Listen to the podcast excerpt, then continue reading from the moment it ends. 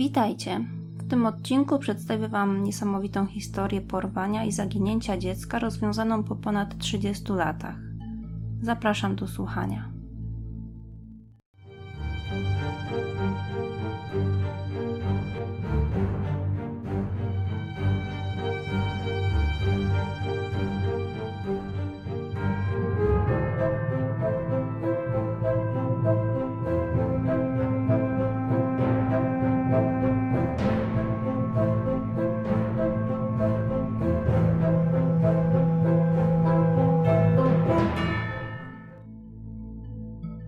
Pewnością wielu z Was zna historię porwania i odnalezienia Karliny White. Jest to dość znana sprawa, omawiana również na polskich kanałach o tematyce kryminalnej. W skrócie dla osób, które o niej nie słyszały. Karlina została porwana ze szpitala w Nowym Jorku, gdzie była hospitalizowana z powodu wysokiej gorączki. Dziewczynka w chwili zaginięcia miała zaledwie 19 dni. Śledztwo wykazało, że została ona porwana przez kobietę przebraną za pielęgniarkę, która jednak nie pracowała w szpitalu. Kobietą tą była Ann Petway, mieszkająca w Connecticut. Porywaczka wychowała Karlinę jako swoje dziecko, nadając jej fałszywe nazwisko Nedra Nance. Przez całe dzieciństwo Nedra czuła, że coś jest nie tak. Czuła się we własnej rodzinie jak ktoś obcy. Jej podejrzenia wzmogły się, gdy dorosła i zaczęła starać się o kartę ubezpieczenia społecznego, której potrzebowała ze względu na to, iż spodziewała się dziecka. Ponieważ jej dokumentacja okazała się fałszywa, Nedżera skonfrontowała się z matką, która przyznała się do jej porwania. Nedżera dopiero po kilku latach zdecydowała się przejrzeć bazę zaginionych dzieci, gdzie ku swojemu zaskoczeniu bez trudu znalazła informacje o porwanym niemowlęciu, bardzo podobnym do jej własnej córki, oraz obrazy progresji wiekowej porwanej Karliny, znacznie przypominające jej własny wygląd. Nedżera zdecydowała się skontaktować z organizacją administrującą bazą zaginionych dzieci. Po badaniach genetycznych potwierdzono, że Nedżera i Karlina to ta sama osoba. Po 23 latach od porwania miała wreszcie okazję spotkać się ze swoimi biologicznymi rodzicami. Jeśli chcielibyście dowiedzieć się więcej, to zapraszam do obejrzenia materiałów na ten temat na innych kanałach.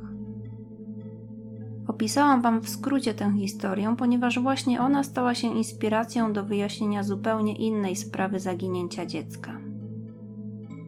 Był rok 1980. Niejaki Steve Carter, oficer armii amerykańskiej, stacjonował na wyspie Oahu na Hawajach. Na wyspie towarzyszyła mu jego żona Pat, która z zawodu była nauczycielką. Para była szczęśliwym małżeństwem, ale jednej rzeczy brakowało im do pełni szczęścia. Nie mogli niestety doczekać się własnego potomstwa. Zdecydowali się więc adoptować dziecko.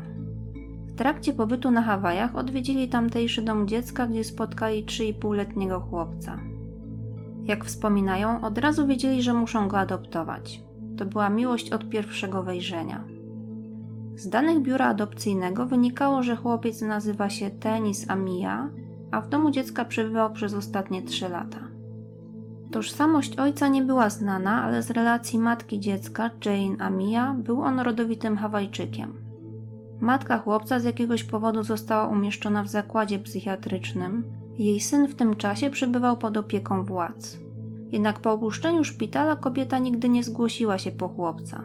Z tego względu umieszczono go w domu dziecka. Jak widać, los chłopca nie oszczędzał, ale Steve i Pat zdecydowali się odmienić jego życie. 23 września 1980 roku para adoptowała dziecko, nadając mu imię William Steve Dennis Carter. Steve Jr., bo tak zwracali się do chłopca bliscy, zamieszkał w bogatej dzielnicy New Jersey. Dorastał w szczęśliwym domu otoczony miłością rodziców i przyjaciółmi. Steve miał świadomość tego, że był adoptowany, jednak w dzieciństwie nie przywiązywał do tego większej wagi. Jego przybrani rodzice bardzo go wspierali i uczyli, jak podążać za marzeniami. Nie czuł więc potrzeby kontaktu z biologicznymi rodzicami, którzy przecież sami go porzucili. Jego podejście zmieniło się, gdy rozpoczął dorosłe życie. Po 30 Steve postanowił się ustatkować. Rozpoczął pracę jako programista, ożenił się z kobietą imieniem Tracy i zaczął wspólnie z żoną myśleć o posiadaniu własnych dzieci. Te plany wywołały w nim chęć poznania własnych korzeni. Zaczął się zastanawiać, jakim cudem potomek Hawajczyka może mieć tak jasną skórę, jasne włosy i niebieskie oczy. Postanowił poddać się testom DNA, które w przybliżeniu określały pochodzenie danej osoby. Wynik testów nie był dla podejrzewającego coś już wcześniej Stevena zaskoczeniem. Okazało się, że ma on korzenie skandynawskie, a nie polinezyjskie. W 2011 roku Steve natknął się właśnie na artykuł o wspomnianej wcześniej porwanej Karlinie White.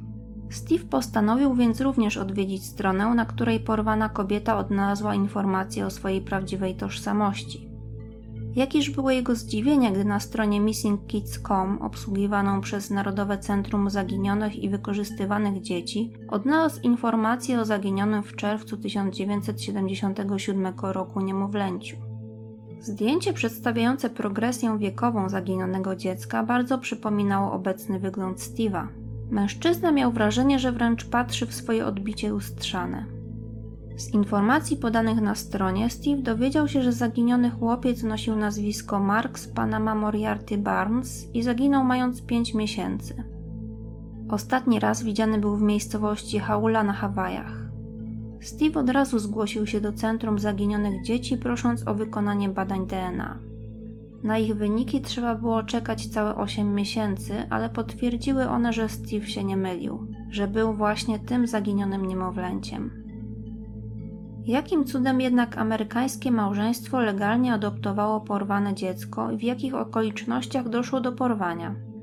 Steve dość szybko uzyskał odpowiedź na te pytania.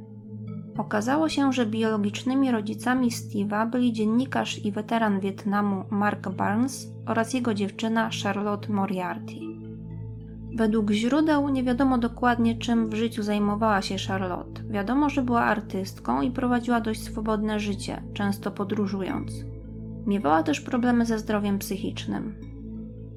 21 czerwca 1977 roku Mark pracował w ogrodzie swojego domu w Haula na wyspie Oahu.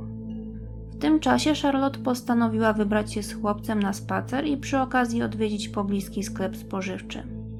Kobieta wyszła z dzieckiem z domu, aby już nigdy nie wrócić.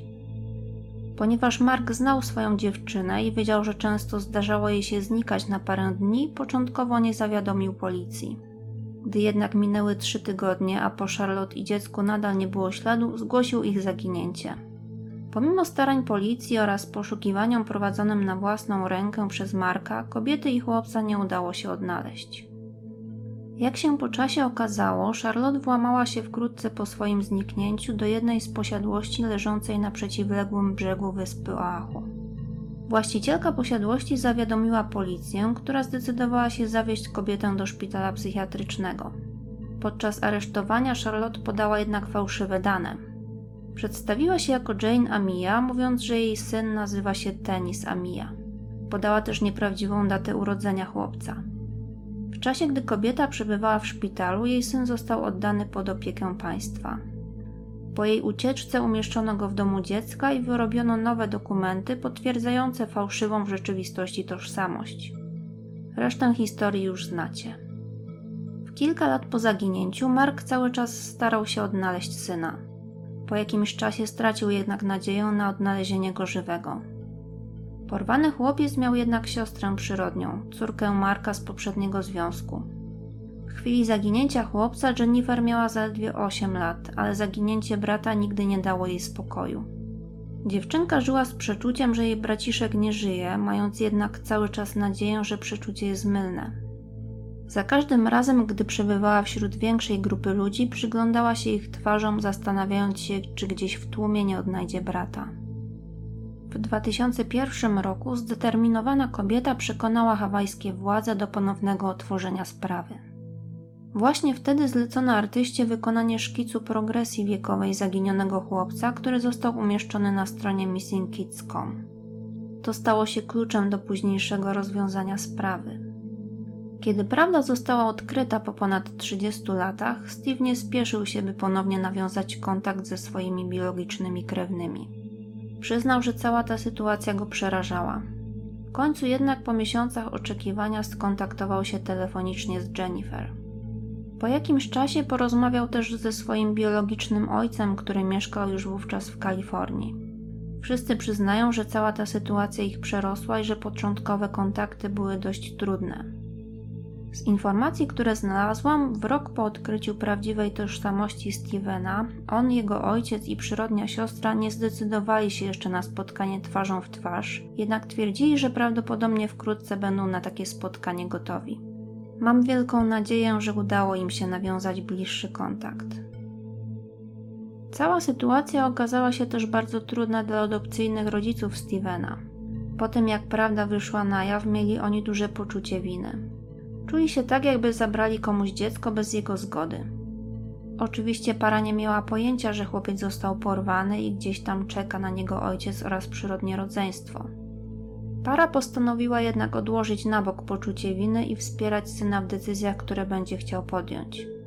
Deklarowali, że jeśli Steve będzie miał zamiar nawiązać bliższy kontakt z biologicznymi krewnymi, to będą go wspierać w tej decyzji. Co do matki Stevena, Charlotte Moriarty, do dzisiaj nie została odnaleziona.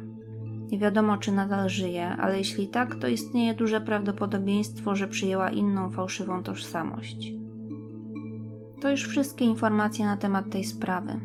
Zastanawia mnie jednak, czy w tym przypadku nie można było zrobić czegoś więcej, aby wyjaśnić sprawę zaginięcia chłopca krótko po jego zniknięciu. W końcu zaginięcie chłopca zostało zgłoszone mniej więcej w tym samym czasie, gdy w domu dziecka pojawił się chłopiec o niepotwierdzonej żadnymi dokumentami tożsamości. Szkoda, że nikt z pracowników ośrodka nie zdecydował się porozumieć z policją, aby upewnić się, że chłopiec nie jest przez kogoś poszukiwany.